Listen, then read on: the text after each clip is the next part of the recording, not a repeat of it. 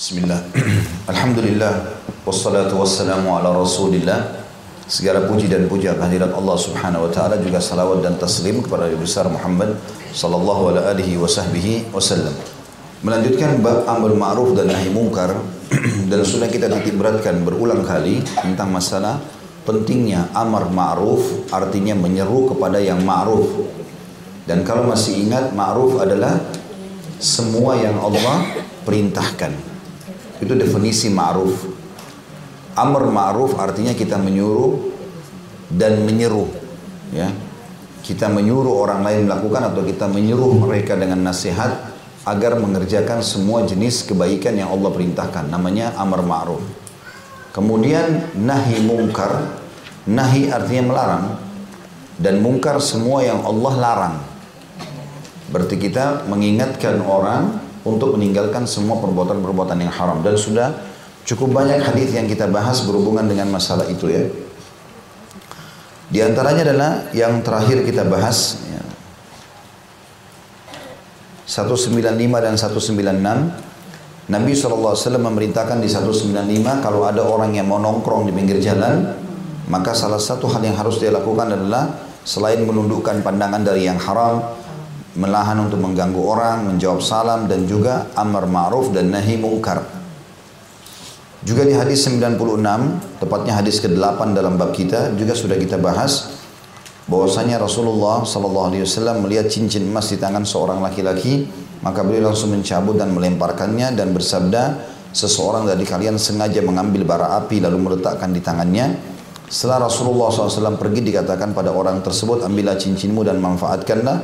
Dia menjawab, tidak demi Allah, saya tidak akan mengambilnya selamanya karena ia telah dilemparkan oleh Rasulullah SAW. Di sini artinya Nabi SAW merubah kemungkaran itu. Dan sudah kita jelaskan kalau laki-laki hukumnya haram menggunakan emas. Beda kalau perempuan.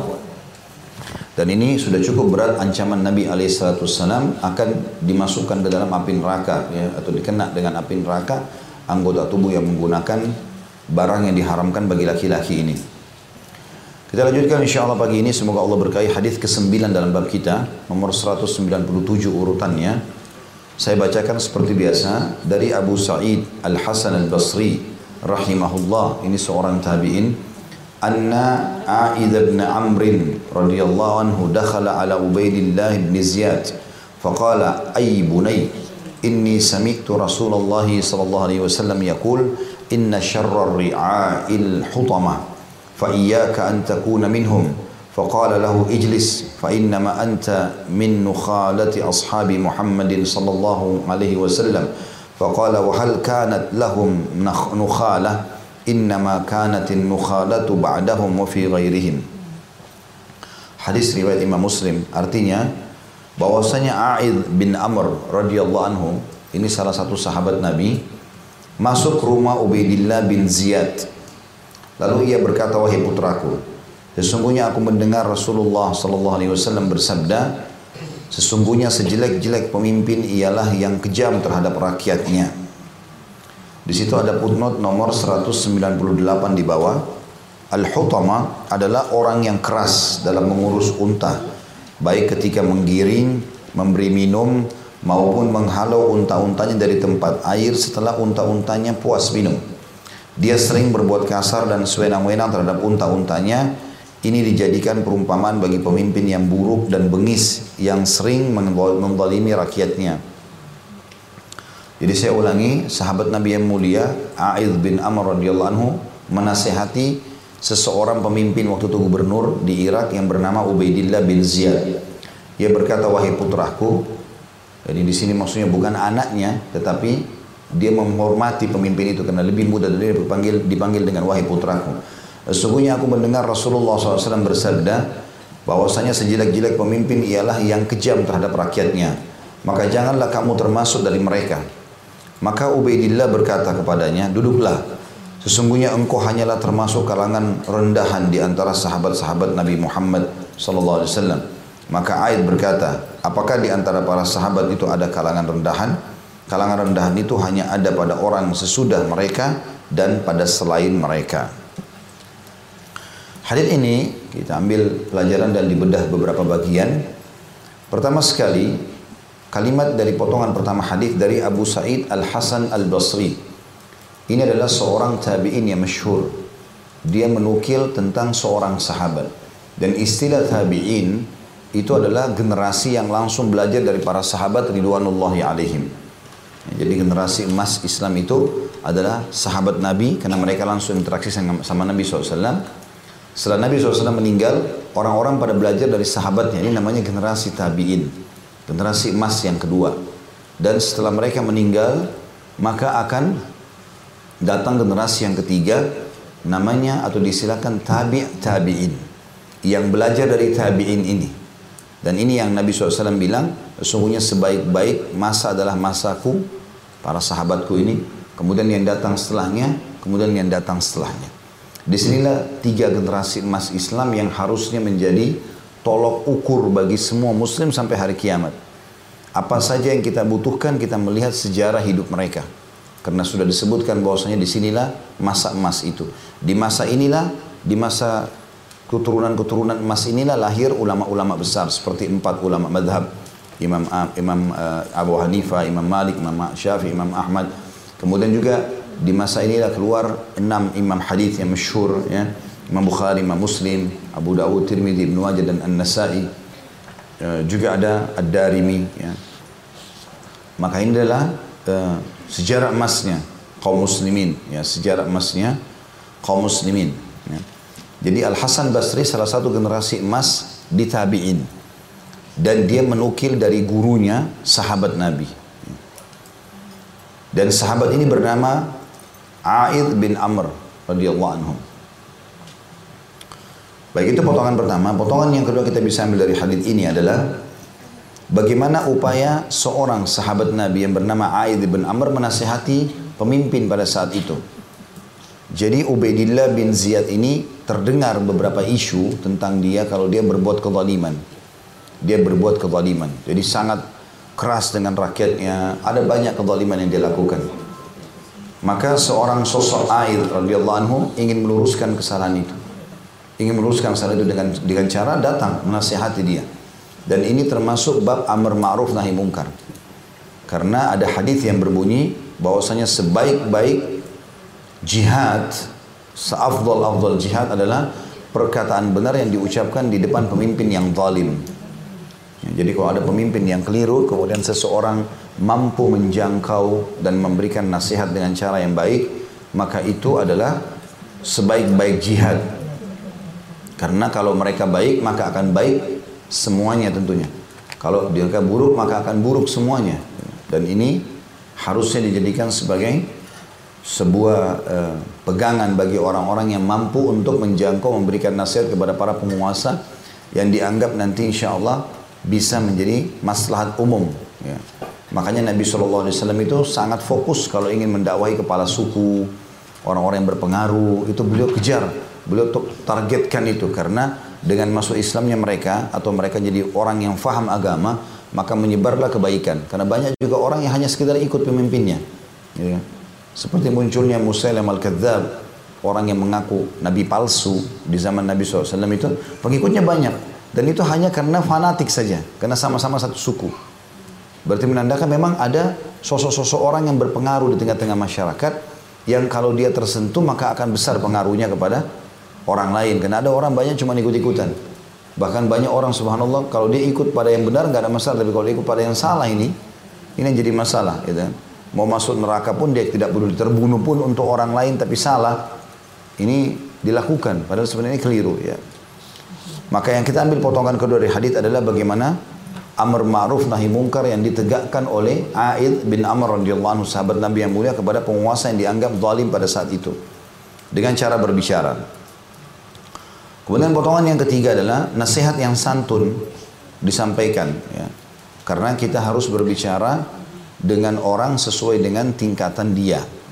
Tingkatan akal, tingkatan pendidikan, ya, ekonomi berbeda berbicara dengan teman kita berbeda bicara dengan atasan kita misalnya. Maka ada retorika bahasa-bahasa yang harus bisa dipilih untuk bisa menyampaikan kepada orang-orang sehingga bisa mudah dicerna. Ya. Kata Nabi SAW, Rahimallahu mbrin khataban nasa ala hasbu ukulihim. Semoga Allah merahmati seseorang yang ngajak bicara orang lain sesuai dengan level akalnya. Kita kalau bicara sama anak-anak beda bicara sama anak remaja atau sudah remaja, bicara sama orang yang sudah berumah tangga atau bekerja beda dengan yang masih remaja dan seterusnya. Ini kalau kita mengetahui cara dan retorika yang tepat, maka kita akan mudah masuk bersama mereka. Anak-anak kita bercanda ya, sama mereka. Kalau remaja kita seperti menjadi temannya. Dan orang kalau sudah dewasa, maka kita seperti guru yang menasehatinya. Ini harus ada level-levelnya. Kalau kita menggunakan cara orang dewasa kepada anak-anak tidak akan masuk. Memang kita alamnya sambil bermain, bercanda sama dia, kemudian kita baru berikan masukan. Ya, atau kita rangkul dia untuk bisa poin demi poin yang uh, dia butuhkan dalam kehidupan dia kita ajarkan. Dari cara pegang gelas, dari cara pegang sendok, dari cara makan, pelan-pelan. Memang kita harus sabar. Karena mereka memang levelnya di situ. Remaja, kita harus bisa menjadi temannya. Kalau bapak ibu punya anak yang sudah balik remaja, ini nggak bisa lagi kita menjadikan dia seperti anak-anak. Dia udah, udah beda dengan alam bercanda itu sudah beda. Jadi kita harus menjadi temannya. Makanya di alam ini orang banyak punya teman-teman, ingin tahu. Dan umumnya teman-temannya ini selalu memuji. Maka siapa yang paling banyak memuji, maka itu yang paling didekati oleh dia. Nah, jangan sampai membuat rumah kesannya penjara bagi anak itu. Dia selalu yang dia tahu di rumah itu cuma penekanan-penekanan semuanya tidak boleh. Begitu lihat orang tuanya lihat sudah marah bawaannya. Maka begitu dia ketemu sama teman-teman jadi masa remaja ini yang banyak terjadi mereka tinggalkan rumah. Karena di rumah temannya nyaman, dia dipuji. Dan pada saat ini prestasi-prestasi ingin selalu diraih, berbeda. Ya. Walaupun itu salah. Misal kalau temannya temannya pun bilang suruh loncat dari sebuah pohon atau jurang yang tinggi, dia akan lakukan karena semua isinya pujian. Oh kamu hebat, nanti mau patah kakinya kah, mau buta matanya itu urusan nanti. Makanya mereka ugal-ugalan di waktu itu. Kalau kita tidak arahkan kepada hal yang positif. Nah di sini posisi orang tua harus tahu, dia harus masuk ke level remaja itu. Dia menjadi temannya. Ya, termasuk ibu dan ayah yang berhasil kepada anak remajanya ini adalah sering di oh, anak-anaknya itu kalau datang pasti bicara sama dia, diskusi apa yang terjadi. Seberat apa pun yang terjadi jangan pernah kagetin. Ya. Tapi kita rangkul dia sebagai seorang sahabat. Kalau menurut ibu begini, kalau menurut ayah begini. Itu level berbicara. Dan orang kalau sudah dewasa, staf di kantor, atau siapa saja mungkin pembantu rumah tangga, ya teman-teman kita, maka kita, kalau dia salah kita seperti gurunya memang. Ini nggak boleh loh, ini haram gini-gini. Itu tidak akan bisa masuk di remaja sama anak-anak. Maka berbicara sesuai dengan level orang penting. Nabi SAW kalau bertemu dengan kepala-kepala suku, beda posisinya menghormati mereka supaya mereka bisa terima dakwah dengan orang yang memang cuma ngobrol sebentar sudah bisa masuk Islam gitu kan maka itu termasuk polanya. Nah ini sama dengan berbicara masalah pemimpin. Ada orang tidak pakai kontrol tidak mengontrol kata-kata atau retorika untuk berbicara sama para pemimpin. Jadi akhirnya tidak diterima nasihatnya gitu kan? Nah menggunakan retorika yang tepat ini harusnya difahami masalah itu. Apalagi kalau dasarnya pemimpin itu orang-orang yang um, berpendidikan tinggi ya. Sehingga memang dia juga akan mau menangkap orang kalau berbicara dengan kosakata-kosakata yang terpilih, tertata dan seterusnya. Nah di sini beliau mengatakan nasihatnya karena dianggap pemimpin sudah zalim maka dia mengatakan sungguhnya sejelek-jelek pemimpin ialah yang kejam terhadap rakyatnya. Jadi dia ingin menasihati Ubaidillah ini bahwasanya ada penyampaian dari Nabi SAW kalau pemimpin tentu ada hadis itu banyak ya. Di antaranya hadis Nabi SAW siapa pun yang diamanahkan menjadi pemimpin di tengah-tengah masyarakat kemudian dia berbuat zalim terhadap mereka kecuali Allah akan haramkan baginya surga. Ya, dan tanggung jawabnya berat ya. dan ini kita sayangkan sekali kalau sebagian orang kita di negara kita ini tidak memahami masalah itu. Orang malah bersaing bertanding ya untuk merebutkan sebuah jabatan. Padahal sebenarnya setiap jabatan itu ya, apa yang diinginkan? Hanya sekedar popularitas mobil baru rumah baru atau dikenang namanya hanya itu saja. Dia lupakan ada tanggung jawabnya. Kalau kita punya amanah tiga orang anak saja di rumah maka itu sudah cukup akan banyak pertanyaan hari kiamat. Kau udah kasih makan belum? Kau udah kasih minum belum? Udah begini belum? Udah begitu belum? Itu akan banyak pertanyaan. Bagaimana kalau orang di bawah rumahnya naungannya lebih daripada itu? Bagaimana kalau orang keluarga besar ya Bagaimana kalau orang menjadi seorang RT yang menaungi sekian rumah uh, RW sekian ribu rumah dan seterusnya sampai itu nggak gampang akan berhadapan dengan sekian juta orang pada hari kiamat. Ya, kalau ada orang terzalimi maka akan berhadapan dengan itu. Maka hidup tenang dengan tanpa ada beban lebih baik gitu kan. Kecuali kalau dasarnya memang dia bi ahli di bidangnya. Tapi ini sangat jarang dalam masalah itu. Makanya para salafus itu menolak tentang masalah ini ya. Menolak menjadi hakim kah, menjadi apalah yang punya jabatan-jabatan itu mereka lari dari itu. Ya. Mereka lari dari jabatan tersebut karena khawatir nanti malah ada tanggung jawab hari kiamat.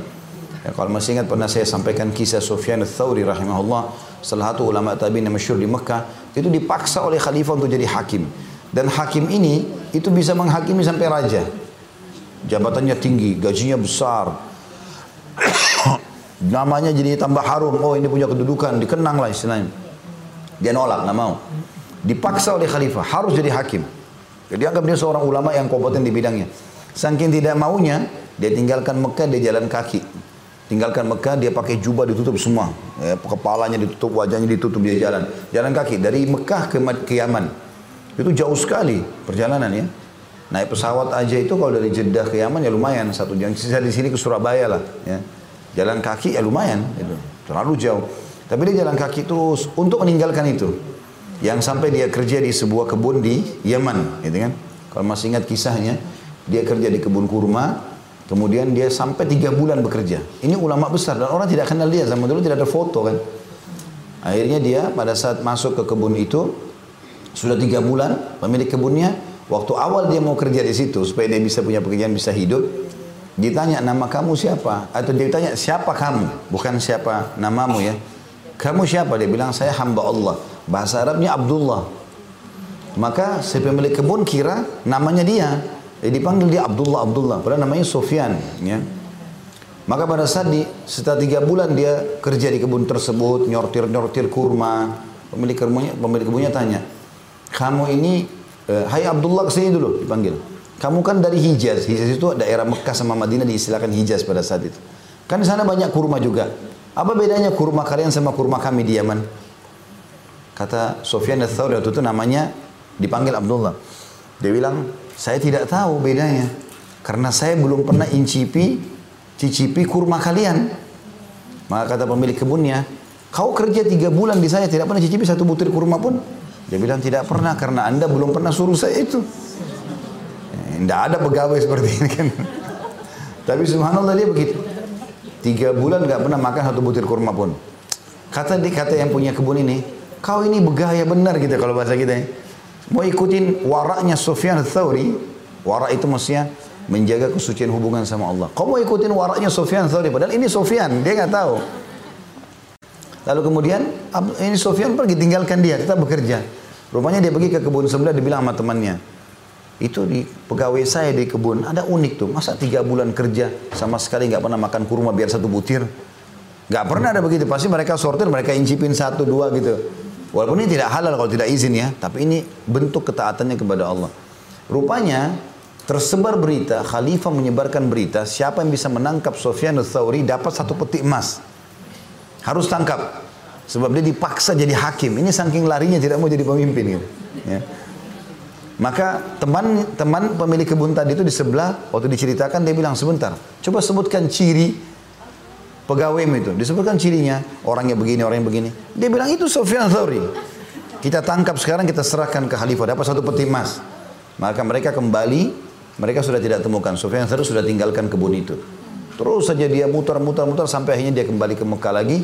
Dan waktu khalifah tahu, khalifah bilang, jangan ada yang tangkap kecuali saya. Maka Sufyan Thawri bergantung di atau dekat pintu Ka'bah, lalu kemudian dia berdoa agar jangan sampai khalifah menjangkaunya. Dan khalifah meninggal sebelum masuk ke Eh, ke Mekah pada saat itu sebagai bentuk karamah buat beliau rahimahullah. Tapi kita lihat bagaimana para ulama kita justru lari dari jabatan jabatan kecuali memang dasarnya dia harus kata ulama kalau keadaannya kalau dia tidak mengambil itu maka akan dimasuki oleh orang-orang yang jahat mungkin.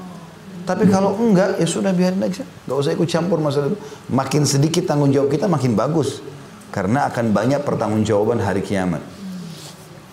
Oleh karena itu hati-hati dengan masalah ini tentunya. Ini potongan peringatan Aid radhiyallahu anhu mengatakan Sesungguh-sungguh sejelek-jelek pemimpin adalah yang kejam terhadap rakyatnya. Dan di sini digunakan kalimat hutamah. Dan hutamah istilah bagi pemilik e, unta yang suka kasar dengan untanya.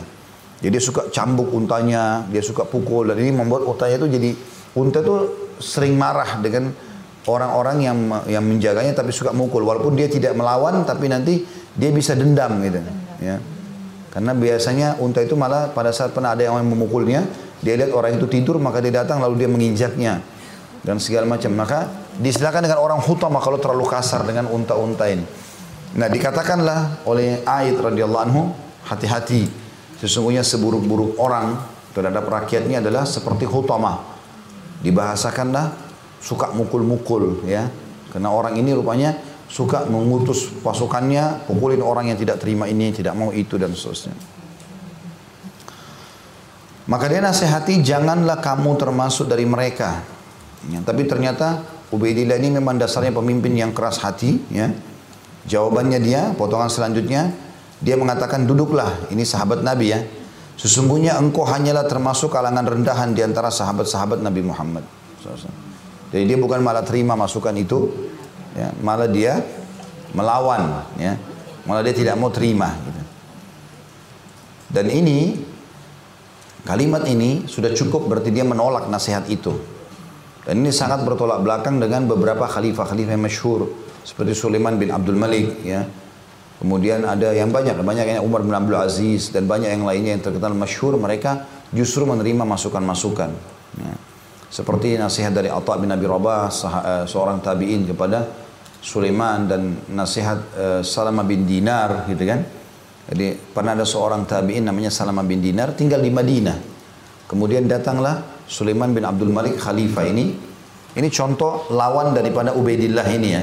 Maksudnya seorang pemimpin yang mau dengar nasihat. Maka dia pun mengatakan kepada orang-orang yang di sekitarnya, sesungguhnya hati itu bisa berkarat seperti berkaratnya besi. Maka kita butuh nasihat. Cari di Madinah ini, kata khalifah ini ya, ada nggak orang yang pernah hidup menjadi muridnya sahabat Rasulullah. Sahabat itu sudah habis, sudah meninggal semua. Ada yang pernah belajar dari para sahabat? Maka para pengawalnya mengatakan di Madinah ini ada namanya Salama bin Dinar. Ya. Ini orangnya terkenal dengan kesolehannya dan suka memberikan nasihat orang. Kata Sulaiman panggil coba. Dan ingat, jangan paksa dia santun dengan para ulama gitu. Maka pergilah para pengawalnya menyampaikan pesan tersebut dan dia datang. Begitu dia datang, salaman segala macam. Awal kalimat khalifah mengatakan, wahai Salama bin Dinar, kenapa engkau menyombongkan diri kepadaku? Ya. Kata dia, sombong seperti apa wahai Amir Mukminin? Jadi ulama subhanallah, jawabannya pun sudah jadi nasihat gitu kan. Dia bilang sombong seperti apa? Dia bilang semua orang-orang datang kepadaku pada saat aku datang di Madinah kecuali engkau. Dan kau terkenal sebagai ulama Madinah, kenapa nggak datang ke aku?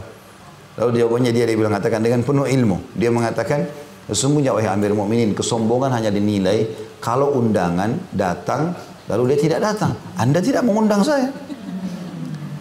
Kemudian sisi yang lain, kesombongan akan dinilai kalau orang itu sudah dikenal, sudah saling kenalan lalu tidak sengaja tidak datang. Anda belum kenal saya, saya belum kenal Anda gitu. Karena dia tidak punya jabatan apa-apa di pemerintahan. Dia cuma dikenal sebagai ulama umumnya, ngajar sana sini seperti biasa kalangan para ulama dan dai. Maka khalifah mengatakan sungguh syekh telah benar. Syekh ini maksudnya ulama gitu. Ya. Itu contoh, dia sudah diterima padahal ini singgungan ya. Kemudian mulailah berkata, "Wahai Salama, berikan nasihat kepada kami." Gitu kan. Nasihati kami, kenapa kami tidak mau meninggalkan, kenapa kami takut dengan mati? Kenapa kami takut meninggalkan dunia ini? Kata Salamah bin Dinar, karena kalian telah memperbaiki dunia kalian dan merusak akhirat kalian. Sehingga kalian tidak mau pindah kepada tempat yang rusak dari tempat yang kalian sudah baik. Faham maksudnya? Maksudnya di sini kalian tidak ada amal untuk dibawa ke akhirat sehingga kalian lebih berpikir untuk di dunia. Kalau kalian sudah punya amal, di sana kan kita kalau sholat, puasa segala macam, kan kita punya istana di surga, punya banyak hal fasilitas. Maka orang kalau punya mau pindah rumah nih, orang pindah rumah dia akan pindah kepada rumah yang lebih baik. Kalau rumah di sana tidak baik, walaupun tanahnya ada, kan orang tidak mau pindah. Maka bahasa ini dia katakan, karena kalian memperbaiki dunia kalian, kalian lupa akhirat kalian sehingga kalian tidak mau pindah dari sesuatu yang kalian sudah makmurkan kepada kalian rusak, yang apa yang kalian rusak. Maka maka khalifah mengatakan benar apa yang dibahasakan. Kemudian dia bilang, coba berikan nasihat tambahan. Kami ingin melunakkan hati kami, gitu kan? Kira-kira posisi saya sekarang, saya termasuk ahli surga atau ahli neraka? Kata khalifah. Kata Salamah bin Dinar, pertemukan diri anda dengan ayat Allah. Kata beliau, ayat di mana? Lalu dibacakan Al-Quran. A'udhu billahi innal abrara lafi na'im wa innal fujara lafi jahim. Sesungguhnya orang-orang yang patuh pasti masuk surga, orang-orang yang jahat, durhaka akan masuk neraka. Pertemukan diri anda, anda lebih tahu diri anda. Patuh nggak sama Allah atau tidak? Kalau patuh ya masuk masuk surga. Kalau tidak maka masuk neraka. Rupanya ada satu orang berdiri mengatakan, sungguh buruk yang anda katakan kepada khalifah. Masa anda mengatakan khalifah orang buruk? Dia bilang tidak, justru kamu yang buruk karena kau tidak faham. Kata Salam Binar kepada orang itu, kau tidak faham. Saya sebagai seorang alim telah diambil janji oleh Allah dalam Al-Quran harus menyampaikan kebenaran. Dan saya sampaikan apa adanya ayat Al-Quran. Kalau dia merasa dirinya benar, dia sudah soleh, sudah pasti janji Allah di surga. Dia buruk, dia lebih tahu dirinya. Maka dia masuk neraka. Harus dia perbaiki kalau dia buruk. Maka setelah itu pun Khalifah terus saja beberapa kalimat tapi terakhir dia mengatakan tambahkan kami nasihat. Kami sudah merasa tidak ada orang yang punya ilmu seperti ilmu kamu dari kalimat-kalimat yang kau sampaikan. Ya wahai Amir Mu'minin, kalau anda termasuk orang yang bisa menerima nasihat, maka apa yang aku ucapkan sudah cukup. Tapi kalau anda termasuk orang yang tidak bisa terima nasihat, artinya sebanyak apa pun aku ucapkan tidak ada gunanya, maka untuk apa aku lepaskan anak panah kesasaran yang tidak tepat? Gitu kan? Bahasa-bahasa yang bagus gitu ya. Maka dia mengatakan baiklah kalau begitu. Jazakallahu khairan. Sebutkan hajat anda. Mungkin saya bisa bantu. Apa saja? Dia bilang hajat saya masuk surga. Kata Amir ini itu bukan di tangan saya. Kata dia saya tidak punya hajat lain. Kalau anda bisa masukkan saya surga silahkan. Maksudnya ini khalifah mau, mau uang mau kendaraan, mau rumah. Saya hajat saya masuk surga, gitu kan. Gak ada yang lain. Terus kemudian kata khalifah, kalau begitu ya eh, apa sebutkan saja apa saja yang kami bisa bantu. Bilang tetap dia bisa. Hajat saya cuma itu saja. Lalu dia pamit keluar, dia pulang. Waktu dia pulang, datang uang ke rumahnya berkantong-kantong banyak. Gitu. Dari Amir Mukminin tulisannya, silakan gunakan ini dan di sisi kami Anda masih punya lagi. Silakan minta kapan saja. Dia kembalikan lalu dia tulis surat. Saya berlindung kepada Allah kalau seandainya uang ini datang hanya karena saya memberikan nasihat kepada anda tadi. Karena kalau itu betul terjadi, berarti saya menasihati bukan karena Allah. Dan kalau anda pun memberikan karena nasihat itu, berarti anda merusak pahala tadi yang sudah kita ingin dapatkan. Dikembalikan. Ya. Dan begitu orang-orang pada saat dulu bagaimana para ulama menasihatin para pemimpin, bagaimana para pemimpin menerima nasihat. Sulaiman bin Abdul Malik itu dinasihat itu nangis. Itu juga dengan Hisham bin Abdul Malik rahimahumullah dinasihati oleh Atha bin Abi Rabah ya, yang dinasihati pada saat berikan banyak wasiat-wasiat. Saya pernah sampaikan kisah itu. Lalu kemudian khalifah pada saat sudah disampaikan beberapa hal yang harus dilakukan di tengah-tengah masyarakat yang tertinggal, dia belum tahu kan. Banyak hal-hal hak orang yang belum dikasih gaji para mujahidin, gaji para penduduk Mekah dan Madinah. Akhirnya terakhir khalifah mengatakan, Hisham bilang, apa nasihat anda lagi kepada saya? Apa, apa hajat anda? Dia bilang, ada Amir Mu'minin. Berdirilah Atta bin Abi Rabah menghadap ke muka khalifah lalu dia bicara dengan tegas mengatakan, ketahuilah wahai Amir Mu'minin, Anda lahir di muka bumi ini sendirian. Anda juga akan, Anda beramal juga sendirian. Anda yang tentukan baik atau buruknya. Anda akan mati sendirian. Anda akan dibangkitkan sendirian dan akan dihisap sendirian. Tidak ada gunanya semua ini. Singgasana ini, karpet mewah ini, orang-orang sekitar Anda ada gunanya. Semua hanya akan menambah beban Anda hari kiamat kalau Anda tidak beramal soleh. Maka Khalifah Hisham menangis menerima wasiat tersebut lalu kemudian Atta bin Abi Rabah keluar kata temannya yang bersama dia masuk ke istana demi Allah Atta bin Abi Rabah datang tidak minum seteguk air pun masuk berikan nasihat khalifah lalu keluar juga begitu beda dengan sebagian orang yang sibuk dengan makanan dengan minuman dengan segala macam bukan tidak bukan tidak boleh boleh tapi ada orang subhanallah targetnya begitu sampai kepada sebuah orang yang dia memberikan nasihat maka dapat apa dulu saya dari orang ini ada duit nggak? Ada makanan nggak? Ada minuman nggak? Sehingga nasihatnya nggak sampai ke orang yang dia jadikan target. Tapi orang yang benar nasihat dulu. Yang penting orang itu sudah berubah selesai. Sebagian ulama tabiin mengatakan atau sebagian kisah-kisah dari tabiin, mereka kalau datang menasihatin orang, mereka mendekat misalnya di acara pesta nih, acara undangan perkawinan misalnya, tapi laki-laki sama laki-laki biasanya. Yang dinukil itu ada di antara mereka yang memberikan nasihat.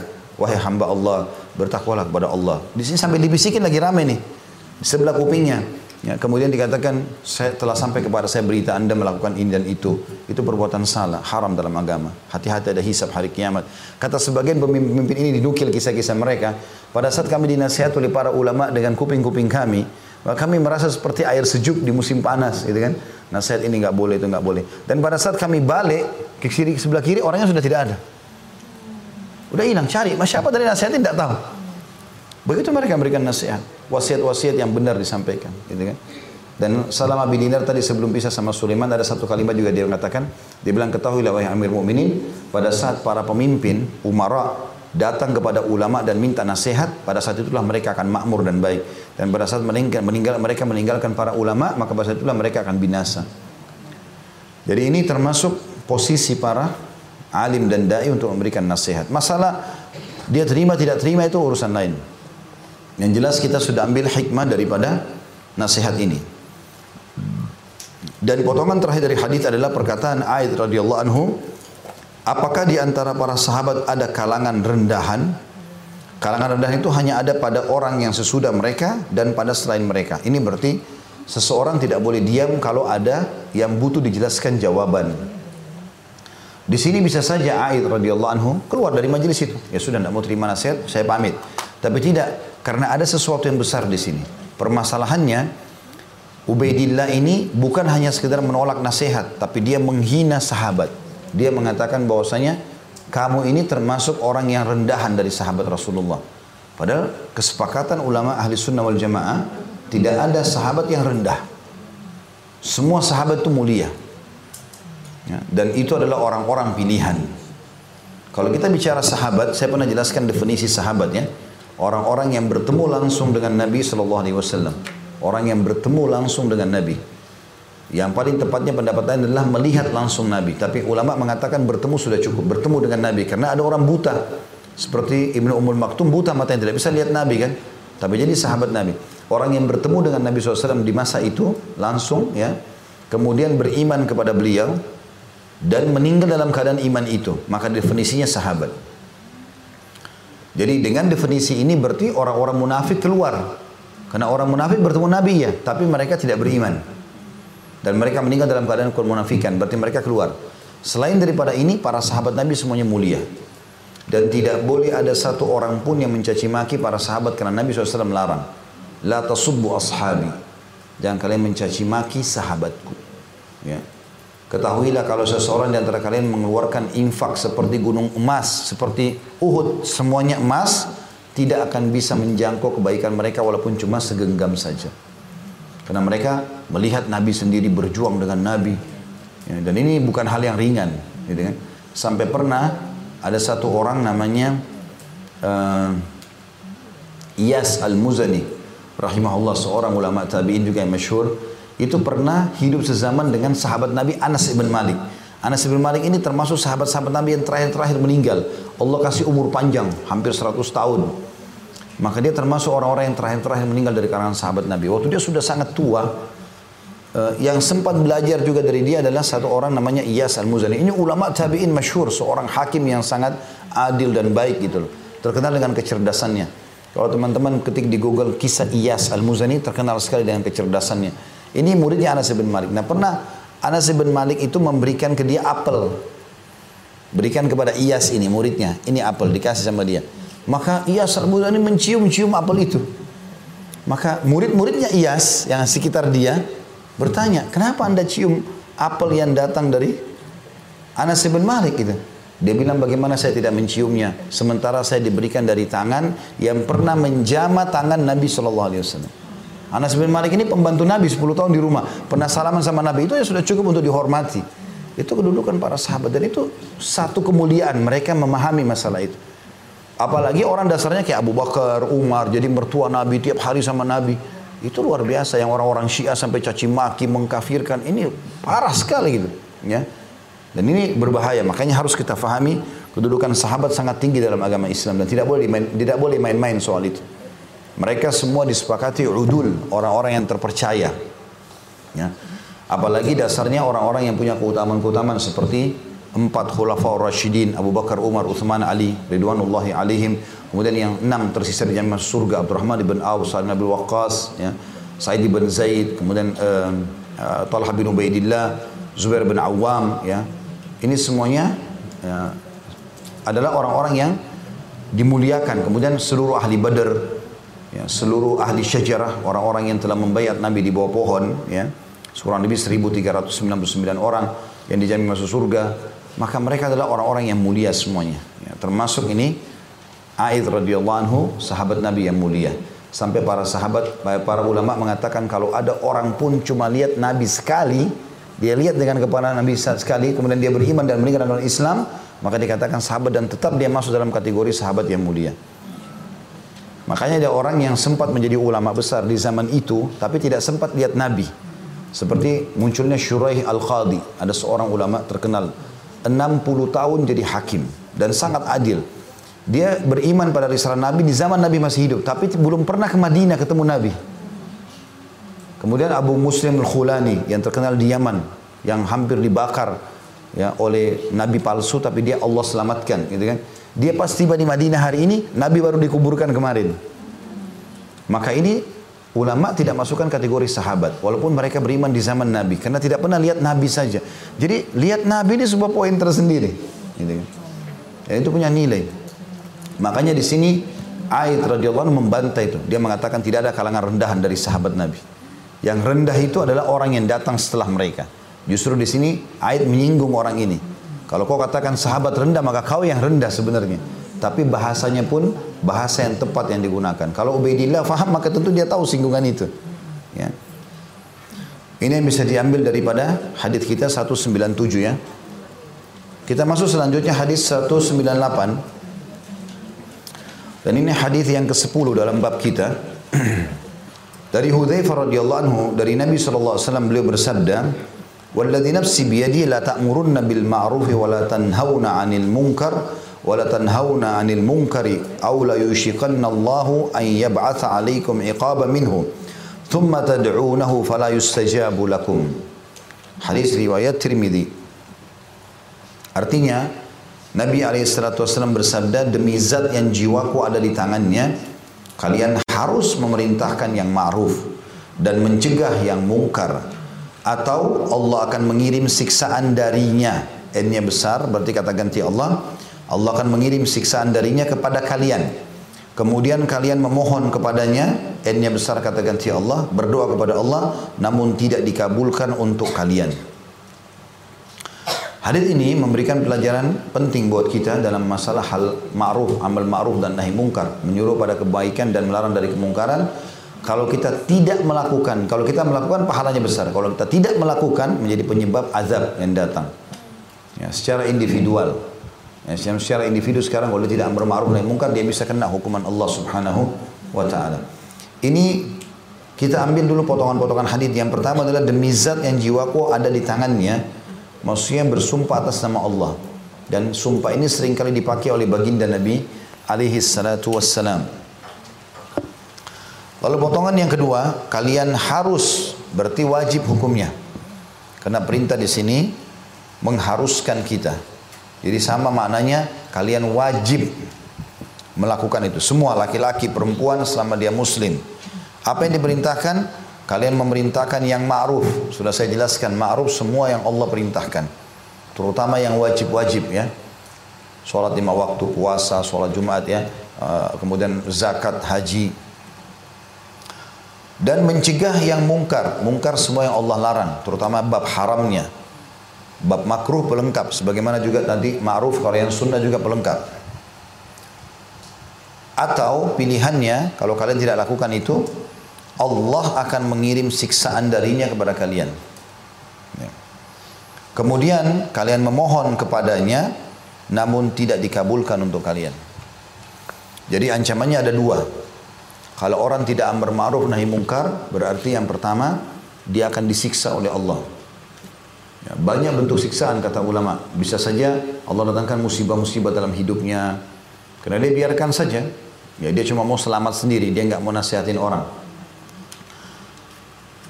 juga akan datang yang lainnya tuntutan orang yang sedang berbuat mungkar padanya pada hari kiamat.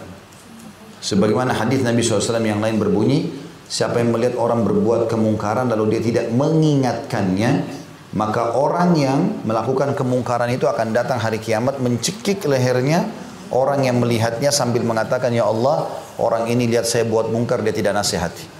Maka saya tuntut dia. Diambil pahalanya dikasih kepada orang tersebut. Ya. Makanya ini kembali kepada hadis yang sebelumnya ya sudah kita pelajari. Yang kata Nabi SAW, Man ra'a minkum mungkaran falyughayyirhu biyadi. Siapa yang lihat kemungkaran maka dia harus ubah dengan tangannya, powernya berarti ya. Ini misalnya orang tua pada anak, suami pada istri, atasan pada bawahan, penguasa pada masyarakatnya. Jadi dia punya kewajiban itu. Ya, kewajiban itu. Jadi kalau ada bapak ibu punya pegawai tidak sholat, kasih ultimatum sholat. Kalau enggak kita keluarkan, misal. Karena itu kewajiban, tidak bisa dipilih. Bukan pilihan, gitu kan. Apa pun kemungkaran apalagi yang sifatnya meninggalkan kewajiban, tidak boleh kita tinggal diam. Harus kita tegakkan itu. Kalau tidak ancamannya secara individu datang ya. Jadi beragam dan ini global artinya bisa saja berat, ringan, kuasa Allah SWT kita tidak tahu. Namun ancaman kedua yang jelas yaitu tidak dikabulkan doa. Jadi kalaupun dia minta Allah tidak kasih. Kalaupun dia minta Allah tidak kasih dan ini juga termasuk hukuman yang berat. Kalau seandainya kita minta teman-teman kepada Allah kesehatan misalnya pada saat kita sedang sakit atau kita minta rezeki apa saja yang kita butuhkan adalah Allah tidak kabulkan. Itu semua hanya kena tidak amar ma'ruf nahi mungkar. Dan ini tentu demi untuk maslahat kehidupan sosial ya, kehidupan bermasyarakat kita. Karena kalau semua muslim dan muslimah memahami tentang kewajiban ini, setiap ada yang ma'ruf ditinggalkan dia ingatkan atau dia menyeru pada ma'ruf itu dan setiap kemungkaran dibuat dia berhentikan, maka akan aman tentunya. Ya akan tersebarlah keamanan karena yang ma'ruf itu semuanya baik kan itu baik misalnya jujur, amanah, tanggung jawab, bakti sama orang tua, jenguk orang sakit. Yang ma'ruf-ma'ruf ini semuanya bagus. Dikasih pahala besar oleh Allah, juga masyarakat suka. Orang-orang suka umumnya. Dan semua yang mungkar tidak disukai. Ya. Misalnya kezaliman, menipu, mengganggu orang lain, gunjing, apalah fitnah. Ini semua yang mungkar. Maka ini harusnya diberhentikan. Karena ini Allah ancam dengan ancaman berat dan juga Allah buat manusia tidak suka masalah itu. Kemudian selanjutnya 199 dan ini hadis ke-11 dalam bab kita. Dari Abu Sa'id Al-Khudri radhiyallahu anhu dari Nabi sallallahu alaihi wasallam beliau bersabda afdalul jihad kalimatu adlin inda sultanin jair. Hadis ini diriwayatkan Tirmidzi dan beliau mengatakan hadisnya hasan. Terjemahannya adalah Jihad yang paling utama adalah ucapan keadilan di depan penguasa yang zalim. Tentu ini teman-teman sekalian perlu disampaikan pendapat para ulama. Ya. Ada beberapa poin yang harus diperhatikan. Yang pertama, orang yang memberikan nasihat yang pertama adalah orang yang ahli di bidangnya. Ini dulu. Karena kata Nabi SAW, kalau perkara dikembalikan bukan pada ahlinya maka tunggulah kehancuran. Kalau semua orang ngomong maka tidak akan ada didengar. Gitu. Bahkan ini efeknya kalau orang sembarangan ngomong apalagi bukan ahlinya maka akan membuat penolakan secara mutlak walaupun nanti ahlinya bicara. Sekarang kalau orang sembarangan ngomong nih, nasihatin penguasa sembarangan. Kemudian dia ngomong dan menyakiti misalnya, orang tidak suka. Maka siapa pun yang bicara setelah itu bisa ditolak semua oleh penguasa. Walaupun yang datang nanti ahlinya. Nah ini efeknya. Maka harus ahlinya yang berbicara. Dan orang yang ahli berbicara adalah para ulama. Karena mereka orang yang paling faham hukum halal haramnya Allah. Enggak ada hukum selain hukum Allah tentunya. Maka harus mereka yang berbicara. Dan ini juga harus ulama yang robbani. Tidak semua orang bergerak alim kemudian disuruh bicara. Tetapi orang yang Rabbani. Yang Rabbani maksudnya betul-betul orang yang sangat dekat dengan Allah. Dia tulus dalam memberikan nasihat itu. Gitu kan. Tidak ada unsur duniawianya. Tadi saya sudah kasih contoh bagaimana para ulama-ulama memberikan nasihat gitu kan. Maka ini harus ahli di bidangnya dulu. Yang kedua, apa yang dia sampaikan itu ya, memang tepat sasaran dan tidak bertele-tele. Penguasa itu atau orang yang sudah punya jabatan atau orang punya sudah punya harta itu nggak suka bicara lama-lama biasanya. Ya. Jadi kita kalau ketemu poinnya ini ini ini ini selesai. Kita bukan sedang ngobrol sama teman kita. Ya. Maka kita harus faham ini. Siapa pun yang Allah berikan kedudukan, maka umumnya kalau kita berbicara, ringkas, padat, dan juga tidak bertele-tele. Ya. Ini bahkan kita kalau berbicara kepada seorang alim pun harusnya seperti itu. Misal kita mau bertanya nih, kami kalau bertanya dengan para ulama, misalnya saya kalau datang di rumah seseorang alim di Madinah pada saat lagi umroh, nah, kemudian saya bersirat eh, datang ke rumahnya, eh, apa namanya, telepon dan beliau mau terima saya menjadi tamu, saya kalau mau bertanya itu the point. Syekh saya punya pertanyaan, baik silakan. Pertanyaannya 1, 2, 3, 4, 5, langsung. Jadi pertanyaannya apa hukumnya ini? Bagaimana kalau seperti ini? Langsung saja beliau kasih jawaban juga, ini dalilnya, ini anu. selesai. Karena mereka tidak suka, Syekh saya cerita dulu ya. Misalnya kayak orang curhat. Nah, ada orang begitu kadang-kadang. Ya, bertanya, cerita panjang lebar. Ujungnya pertanyaannya, boleh atau tidak. Padahal sudah dua lembar kertas. Atau mungkin WA-nya sudah panjang lebar gitu kan. Enggak, ini harus tepat ya. Karena sesuatu yang dalam bentuk nasihat ini umumnya orang tidak mau terima. Kejiwaan punya perasaan digurui ya.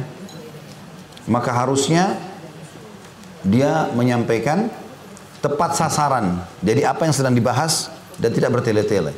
Kemudian yang ketiga, syarat memberikan nasihat kepada para penguasa ini adalah tepat waktu dan tempat. Tepat waktu dan tempat. Jadi waktunya kapan, tempatnya juga kapan atau di mana ya yang tepat lah jangan sembarangan memberikan masukan orang. Kayak sekarang ini di medsos misalnya. Maka ini bisa bisa berbahaya. Apa kata Nabi SAW kalau kau menasihati saudaramu di depan umum maka tunggulah kehancuran. Maksudnya dia kau akan menghancurkan dia. Akan ribut. Tidak semua orang bisa menerima nasihat itu tapi kalau orang memanggilnya untuk memberikan nasihat berdua ya dia minta waktu dia berikan masukan lillahi ta'ala ya saya pernah berapa kali datang ke beberapa kota di Indonesia ini. Masya Allah diundang oleh pejabat-pejabat pemerintah kita. Itu sampai saya mengingat sekali ada seorang bupati. Saya nggak usah sebutkan namanya. Itu sempat datang.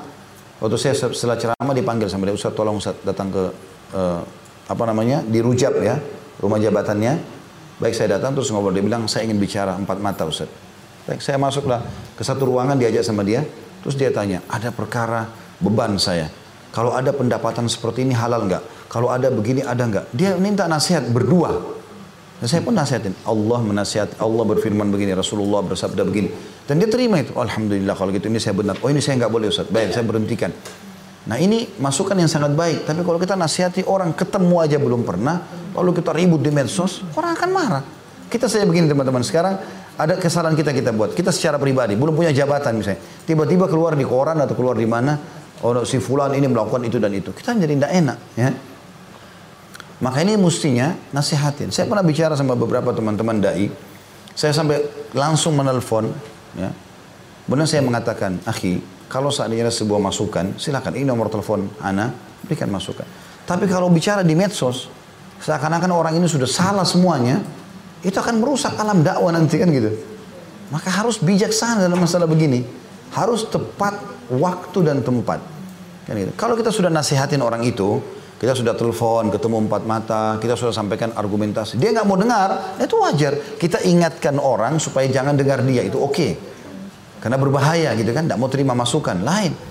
Tapi kalau dia pun kita harus dengarkan juga argumentasinya. Mungkin dia punya argumentasi lebih kuat daripada kita. Imam Malik rahimahullah pernah bertemu dengan Imam Abu Hanifah. Ini zaman dulu saya sudah, bilang nggak ada medsos. Orang nggak bisa ngomong, ya Orang nggak tahu fotonya nggak kenal. Imam Abu Hanifah tinggal di Kufa, di Irak, jauh. Imam Malik di Madinah. Pas musim haji ketemu. Dan selalu pendapat mereka dalam masalah fikih ini umumnya bertolak belakang. Ini bilang boleh, ini bilang tidak boleh. Dia bentrok. Murid-muridnya pun kadang-kadang sering bertolak belakang pendapat gitu. Maka satu waktu di musim haji di Mekah, Imam Abu Hanifah haji, murid-muridnya Imam Malik bilang, Hai Imam, itu Imam Abu Hanifah ada datang tuh kesempatan Kan selama ini kalian berselisih pendapat nih. Coba luruskan dulu. Maka Imam Malik mengatakan sebagai seorang alim yang berakal, dia mengatakan baiklah. Tapi biarkan aku dengan beliau. Tidak boleh ada yang ikut. Murid-muridnya ini nggak boleh ikut ini. Karena belum faham. Orang baru belajar setahun, dua tahun, lima tahun ini masih belum faham namanya. Maka Abu Imam Malik mengatakan saya akan berdua dengan beliau. Maka duduklah Abu Hanifah dengan Imam Malik berdua di dekat tiang Masjid Haram Mekah. Dan tidak ada yang tahu apa yang dibicarakan. Mereka bicara lama. Setelah selesai, Bubar pun, maka murid-murid Imam Malik penasaran tanya, apa pembicaraan anda tadi? Mau tahu ini? Gitu. Kata Imam Imam Malik cuma kalimat begini, aku telah dipertemukan oleh Allah seorang laki-laki yang kalau dia mau buat tiang masjid ini bicara maka bisa berbicara. Artinya argumentasinya sangat kuat, selesai. Masalah khilaf biarkan terjadi karena memang masing-masing punya argumentasi. Jadi seperti itu, bukan malah kita seperti banyak dai atau ulama dianggap musuh gitu. Salah ada ada sedikit keliru ini langsung diserang, langsung ini salah. Seakan-akan sudah tidak ada kebaikan. Ini kan keliru juga. Begitu juga dengan para penguasa-penguasa. Karena orang-orang ini kalau sudah punya kedudukan berbeda pasti. Kan itu. Secara kejiwaan memang sudah begitu fitrahnya. Maka harus tepat waktu dan tempat ya. Ini harusnya difahami. Kemudian juga yang keempat adalah tidak terulang-ulang. Sudah sampai nasihat sekali sudah cukup. Dia berakal selesai. Ingat tadi nasihatnya Salamah bin Dinar. Waktu dari nasihat Sulaiman bin Abdul Sulaiman bin Malik ini adalah orang khalifah yang sangat alim. Orang yang faham agama juga. Tapi itu dia bilang, nasihati lagi saya, nasihati lagi saya. Dia ulang-ulang, dia mengatakan, wahai Amir Mukminin, kalau anda termasuk orang yang bisa menerima nasihat, cukup yang saya sampaikan. Kalau anda bukan orang itu, nggak layak saya lepaskan anak panah kepada sasaran yang tidak tepat, gitu kan? Jadi nasihat, biarkan dia, karena banyaknya nasihat, itu akan membuat juga orang tidak tahu lagi, tidak ingat, gitu kan? Apa yang sedang dinasehati? Maka lebih baik fokus kepada poin itu dan jangan berulang-ulang. Udah selesai, cukup, gitu kan? Itu sudah nasihat sekali sudah cukup, insya Allah sudah sampai. Dan kita juga sudah lepas tanggung jawab hari kiamat. Saya pernah bilang, amar ma'ruf nahi mungkar yang wajib yang pertama. Yang kedua, yang ketiga, yang ke seratus itu adalah sunnah. Dan Bapak Ibu sudah lepas tanggung jawab hari kiamat. Orang, teman kita nggak sholat. Kita duduk nasihati. Kenapa nggak sholat? Apa sebabnya? Ada dalilnya begini loh. Oh iya, makasih ya. Kita sudah sudah selesai. Kita lepas tanggung jawab hari kiamat. Gak ada lagi istilah dia cekik kita hari kiamat. Ya. Tapi kalau kita nggak pernah nasihatin sama sekali itu yang kena hadis tadi, kan gitu. Maka cukup sekali.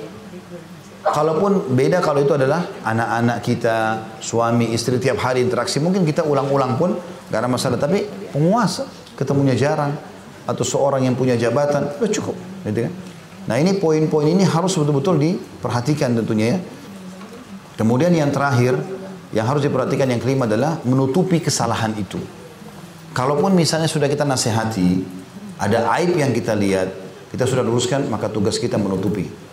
Karena kata Nabi SAW, Man satara musliman fi dunia, satarahullahu yawmal qiyamah. Siapa yang menutupi aib seorang muslim pada hari kiamat, uh, di dunia, maka Allah akan tutupi aibnya pada hari kiamat. Saya ulangi, siapa yang menutupi aib seorang muslim di dunia, Allah akan tutupi aibnya hari kiamat. Jadi gak usah keluar dari tempat pejabat, lalu lalu teriak-teriak. Saya sudah nasihatin tuh. Saya sudah begini. Apa manfaatnya? Ikhlas nggak ini? Kalau ikhlas tadi saya bilang ada yang datang nasihatin pergi. Dia balik cari mana orangnya nggak ada gitu. Selesai. Kita nasihatin orang lillahi taala selesai. Tujuan kita adalah Allah Subhanahu wa taala. Ini kurang lebih diambil dari hadis nomor 199. Dan kita masuk ke hadis 200 sekarang. Insya Allah kita akan coba sampai 202 ya. Hadis 200, tepatnya hadis ke-12 dalam bab kita. Dari Abu Abdullah Tariq bin Shihab Al-Bajali Al-Ahmasi radhiyallahu anhu anna rajulan sa'ala an-nabiy sallallahu alaihi wasallam wa qad wada'a rijlahu fil gharzi. Ayul jihadi afdal? Qala kalimatul haqqi 'inda sultanin jair. Bahwasanya ada seorang laki-laki hadis ini tentu hadis riwayat An-Nasa'i dengan sanad sahih bahwasanya ada seorang laki-laki bertanya kepada Nabi SAW ketika beliau telah meletakkan kakinya di pijakan pelana untanya. Jihad apakah yang paling utama maka Nabi SAW mengatakan ucapan yang hak di hadapan penguasa yang zalim. Tapi ini sama dengan hadis sebelumnya ya, ada adab-adab yang sudah kita sampaikan tadi. Karena pernah juga ada terjadi, ada ada seseorang datang, rupanya orang ini ingin membuat permasalahan nih. Ada orang begitu subhanallah, pemicu fitnah. Dia datang kepada Nabi SAW lalu mengatakan, Ya Rasulullah, bagaimana kalau penguasa zalim kepada kami? Kami berontak kan? Maka Nabi SAW tinggalkan. Nabi nggak jawab, karena caranya orang ini bertanya, memang dia mau uh, me, ya, dia mau me, me, melahirkan pemicu. Mau Nabi bilang perangi, oh langsung dia bergerak gitu loh. Nabi tahu ini ini orang bukan cari hukum nih. Nabi hindari, datang lagi, ya Rasulullah, beritahukan kepada kami. Nabi biarkan. Nabi Nabi tidak mau bicara masalah itu. Sampai datang satu orang lagi mengatakan, ya Rasulullah, bolehkah kami memberontak? Akhirnya Nabi SAW karena sudah didesak berapa kali mengatakan, Jangan kalian memberontak. Patuhi, taati pemimpin kalian walaupun orang berkulit hitam dari Ethiopia. Ya. Dan riwayat lain, selama mereka masih membolehkan kalian sholat. Jadi bukan begitu kita cocok, perangi, copot, jatuhkan. Ini dari mana? Terus siapa yang mau gantikan kamu? Siap nggak ini? Orang suruh mimpin dulu tiga orang, empat orang bisa nggak gitu loh. Baik ini mirip dengan tadi, cuma saya tambahkan saja. Kita masuk ke hadis selanjutnya 201. Hadis ke-13 dari Ibnu Mas'ud radhiyallahu anhu bahwasanya beliau berkata Rasulullah SAW bersabda Inna awwala ma dakhala an-naqsu ala bani Israel annahu kana ar-rajulu yalqa ar-rajula fayaqul ya hadha ittaqillah wa da' ma tasna' fa innahu la yahillu lak al-ghaddi wa huwa ala hali fala yamna'hu dhalika an yakuna akilahu wa sharibahu wa qa'idah فلما فعلوا ذلك ضرب الله قلوب بعضهم ببعض ثم قال لئن الذين كفروا من بني إسرائيل على لسان داود وعيسى بن مريم ذلك بما عصوا وكانوا يعتدون. كانوا لا يتناهون عن منكر فعلوا لبئس ما كانوا يفعلون. ترى كثيرا منهم يتولون الذين كفروا لبئس ما قدمت لهم أنفسهم إلى قوله فاسقون. ثم قال كلا والله لتأمرن بالمعروف ولتنهون عن المنكر ولتأخذن على يد الظالم ولتترنه على الحق أترى ولتقصرن على الحق قصرا أو ليضربن الله بقلوب بعضكم على بعض ثم لا يلعنكم لا يلعنكم كما لعنهم Hadis ini diriwayatkan oleh Tirmidzi dengan sanad hasan. Terjemahannya sesungguhnya awal masuknya kekurangan atau kesalahan pada Bani Israel adalah seseorang bertemu orang lain yang melakukan maksiat. Lalu dia berkata, wahai kamu, bertakwalah kepada Allah dan tinggalkanlah apa yang sedang kamu perbuat karena hal itu tidak halal bagimu. Kemudian keesokan harinya dia bertemu lagi dengan orang itu yang tetap di atas keadaannya yang kemarin. Ternyata hal tersebut tidak menghalanginya untuk menjadikannya sebagai teman makan, teman minum dan teman duduknya. Kemudian mereka melakukan demikian. Ketika mereka melakukan demikian, maka Allah menutup hati sebagian dari mereka dengan sebagian yang lain. Kemudian beliau membaca orang-orang kafir dari Bani Israel telah dilaknat melalui lisan ucapan Daud dan e, Isa putra Maryam. Yang demikian itu karena mereka durhaka dan selalu melampaui batas. Mereka tidak saling mencegah perbuatan mungkar yang selalu mereka perbuat. Sesungguhnya sangat buruk apa yang mereka perbuat itu.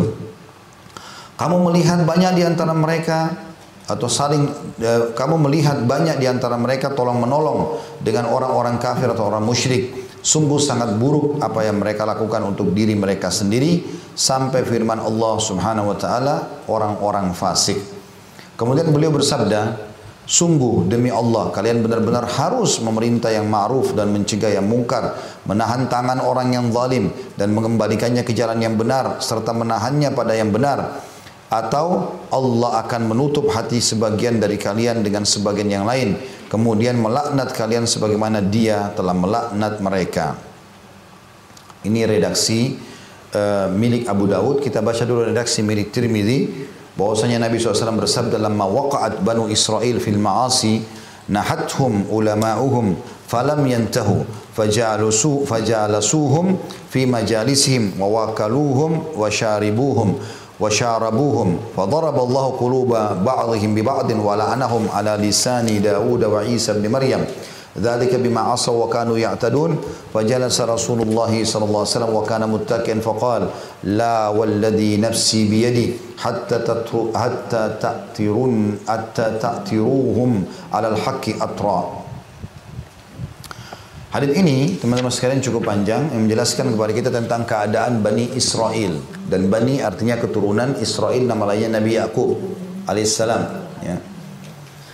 Di sini ceritanya adalah ada surah Al-Maidah surah nomor 5 dalam Al-Qur'an ayat 78 sampai 81 di situ dijelaskan bahwasanya Allah Subhanahu wa taala memerintahkan dua nabi Daud dan Isa alaihi wassalam untuk melaknat Bani Israel.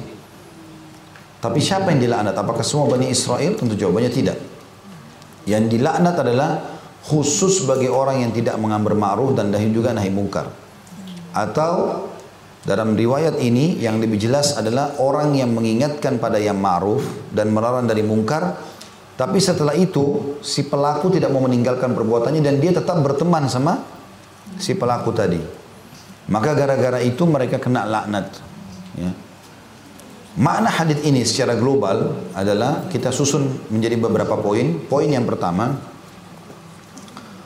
kalau seseorang mengingatkan amr ma'ruf nahi mungkar, ada syarat. Yang pertama dia berilmu. Dia berilmu, dia tahu ilmunya. Misalnya dia mau ingatkan orang sholat. Memang sholat ini sudah benar. Jadi jangan sampai kita ingatkan orang sholat, ternyata sholat kita juga yang kita ajarin salah. Gitu kan? Jadi kita punya ilmu dalam masalah khusus sub yang kita ingin perintahkan ma'rufnya atau kita larang kemungkarannya. Kita punya ilmu dulu. Dan sekarang Alhamdulillah sudah sering saya bahasakan, HP kita sudah jadi perpustakaan berjalan. Kita bisa baca kapan saja gitu kan. Misalnya kita mau nasihatin orang tentang apa, poin A misalnya. Kita tinggal ketik keutamaan ini. Atau kalau perbuatan mungkar kita bilang misalnya ancaman misalnya. Ancaman apalah zina, riba segala macam maka akan keluar semua artikel kita bisa baca maka kita punya ilmunya dulu sehingga kita kalau berbicara kita tahu ya Kemudian juga dalam amar ma'ruf nahi mungkar yang harus difahami adalah orang yang diajak bicara ini adalah orang memang yang bisa atau memang orang yang semestinya diingatkan dalam kebaikan atau keburukan itu. Misal muslim ke muslim. Ya. Karena kalau kita muslim ke non muslim misalnya kita harus paham apa yang harus kita nasihati. Kalau dia orang non muslim kita hanya nasihati untuk syahadat. Tidak mungkin kita bicara sama non muslim masalah sholat. Kan itu. Saya pernah berbagi itu kan. Saya pernah ngisi di salah satu uh, eh, TV nasional waktu itu. Uh, kemudian datanglah beberapa kameramen ke rumah ya, di uh, shooting judul-judul itu cukup banyak. Kemudian ada empat atau lima orang kameramen. Rupanya pada saat azan, saya bilang kita break dulu sholat. Baiklah, semua pada ke masjid. Ikut semuanya. Ternyata pada saat ikut ke masjid semuanya ikut sholat kecuali satu orang. Satu orang ini sibuk shooting terus. Termasuk waktu saya kita lagi sholat di sujud shooting sama dia. Pulang dari masjid saya nasihatin dia. Akhi harusnya sholat begini begitu. Iya iya Ustaz, iya iya. Pas mau pulang baru saya tahu teman-temannya semua kameramen bilang Ustaz kami semua muslim kecuali itu. saya udah nasihatin. sholat ini kan tidak tepat. Tapi jadi pelajaran buat saya subhanallah. Karena saya tidak tahu, saya pikir tadinya semua datang untuk sholat pasti muslim kan gitu. Oh acaranya acara ceramah. Ternyata tidak harus muslim, makanya dia nggak sholat dan dia shooting orang lagi sholat kan gitu. Tapi saya juga tidak bisa disalahkan karena memang memang tidak bilang ini non muslim dan memang dia ikut ke masjid.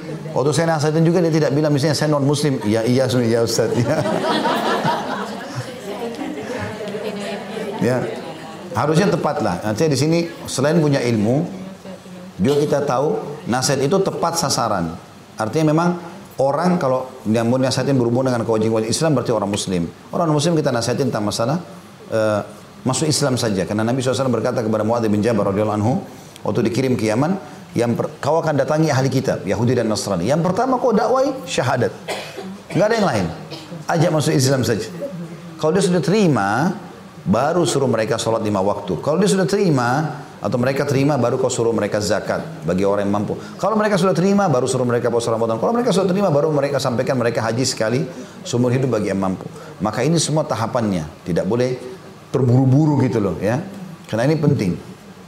Kemudian yang ketiga, setelah kita memberikan nasihat kepada orang tersebut, kita harus mengetahui kalau nasihat sudah sampai, kita lihat perkembangannya, terima atau enggak nih.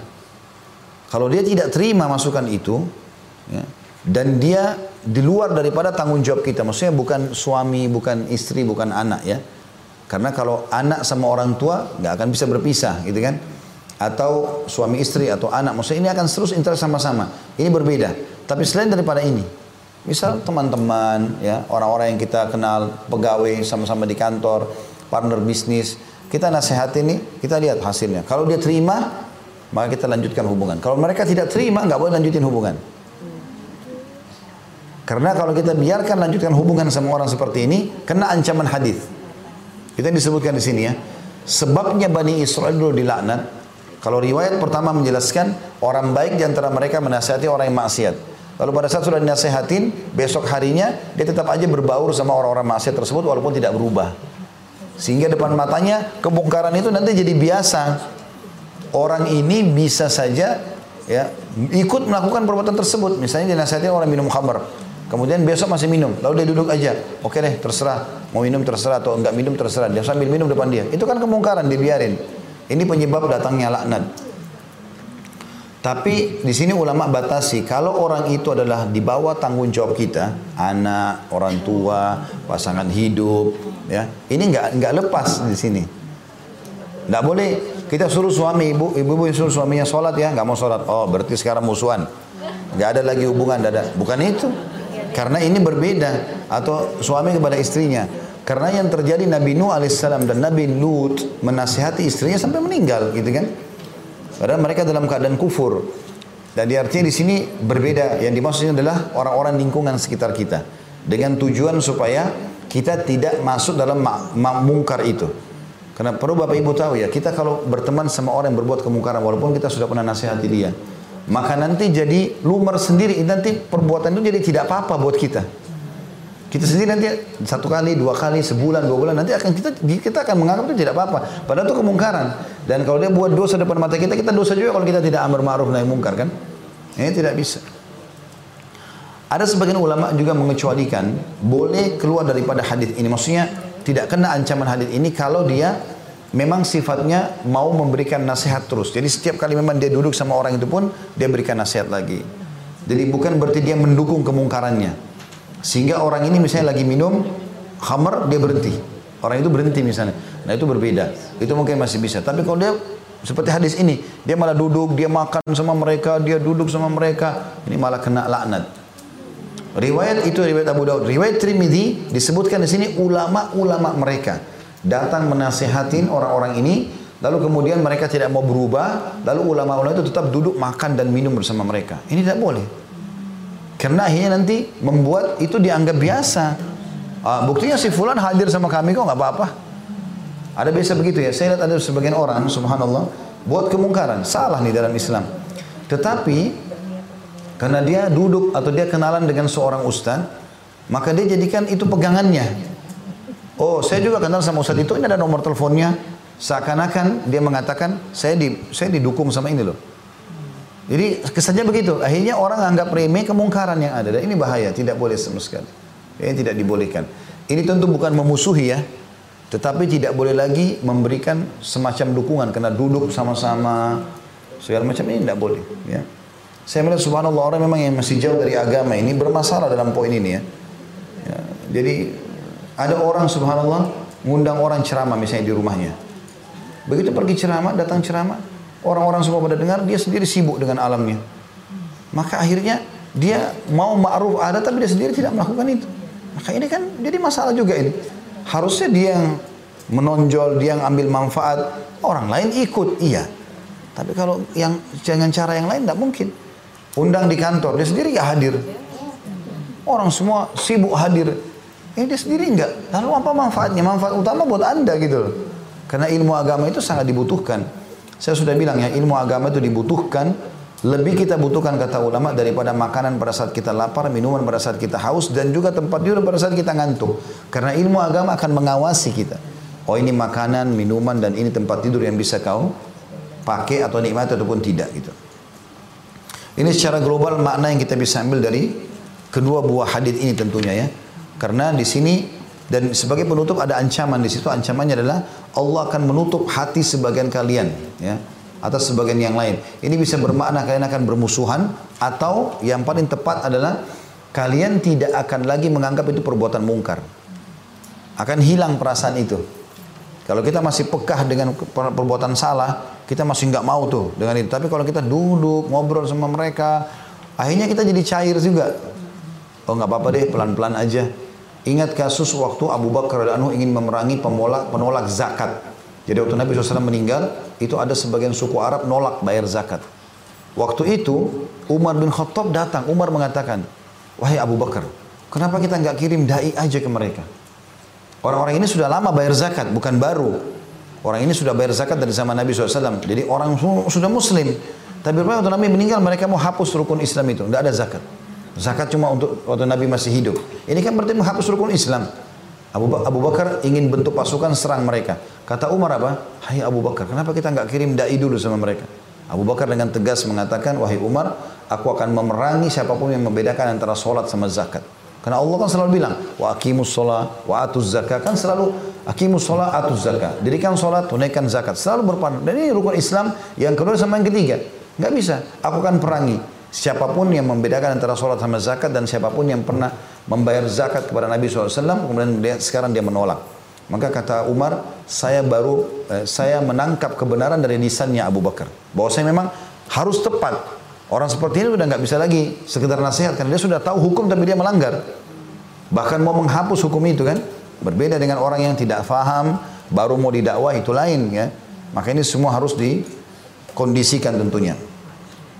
Yang terakhir adalah 202 hadis ke 14 ya dari Abu Bakar As-Siddiq radhiyallahu beliau berkata ya ayuhan nas innakum taqrauna hadhil ayah ya ayyuhalladzina amanu alaikum anfusukum la yadurrukum man dhalla idza ihtadaitum wa inni sami'tu Rasulullah sallallahu alaihi wasallam yaqul innan nasa idza ra'u adh-dhalima falam ya'khudhu ala yadayhi aw shaka an ya'ummahum Allah bi'iqabin minhu wahai manusia kalian membaca ayat ini Wahai orang-orang yang beriman, jagalah diri kalian. Orang yang sesat itu tidak akan memberi mudarat kepada kalian.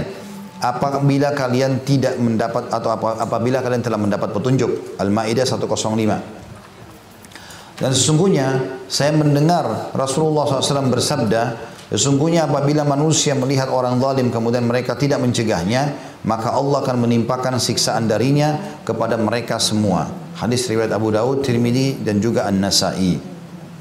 Ada pun nomor 200 di bawah, makna daripada Al-Maidah 105 dan kalian telah memahami memahaminya secara secara salah. Maksudnya Abu Bakar ingin bilang, kalian salah faham dengan Al-Maidah 105 nih. Karena kan ayat ini secara zahir, hai orang beriman, kalau kalian sudah dapat petunjuk, tidak ada tidak ada mudarat buat kalian dari orang-orang yang tidak dapat petunjuk. Nanti biarin aja mereka dengan kemungkarannya. Ya.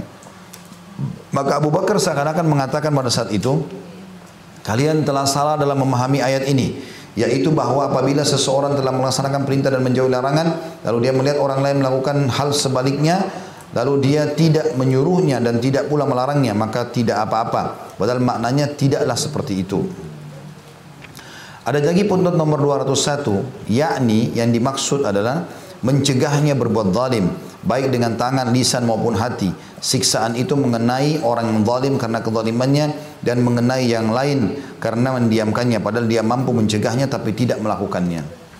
Jadi makna daripada hadis ini yang bisa diambil pelajaran adalah bagaimana Abu Bakar radhiyallahu memberikan pemahaman yang benar tentang Al-Maidah 105. Yang dimaksud dengan Al-Maidah 105 adalah kalau seandainya kita sudah nasihatin orang, kita sudah luruskan, dia nggak mau dengar, ya sudah, kita tidak akan ada mudarat lagi dengan dia. Maksudnya tidak ada tanggung jawab hari kiamat. Tetapi jangan difahami makna ayat ini adalah kalau kalian sudah dapat hidayah, sudah ikut pengajian, sudah paham, udah nggak usah pusing sama orang yang berbuat kemungkaran, biarin aja mereka. Itu salah. Jadi harusnya maksudnya kalian sudah paham nasihatin orang-orang. Dan ini Abu Bakar menutup hadisnya atau riwayat Abu Bakar menutup pernyataannya mengatakan, ketahuilah aku telah mendengar dari Nabi Shallallahu Alaihi Wasallam kalau seandainya kalian membiarkan kemungkaran dan tidak menyuruh pada yang ma'ruf, maka akan datang hukuman Allah yang merata menimpa kalian semuanya. Ya, merata menimpa kalian semuanya. Ya. Dan ini sudah ada kami sampaikan pada saat itu di khutbah Jumat kalau tidak salah tentang masalah bahayanya eh, kemungkaran yang dibiarkan. Itu efeknya berbahaya sekali. Ya. Berbahaya sekali karena akan mendatangkan umumnya siksaan Allah SWT walaupun kita orang muslim. Walaupun kita orang muslim ya. Jadi kalau ada yang mengatakan kenapa di Indonesia ini rata-rata muslim tapi banyak tsunami, gempa segala macam, justru orang muslim itu yang lebih dekat dengan hukuman karena mereka faham. Mereka faham, gitu kan. Makanya Nabi SAW mengatakan akan datang dari di antara umatku pada menjelang hari kiamat yang ditenggelamkan di bumi, yang kena longsor, yang kena banjir, akan ada itu. Pada saat mereka menghalalkan apa yang telah Allah haramkan, akan menimpa mereka itu. Ya.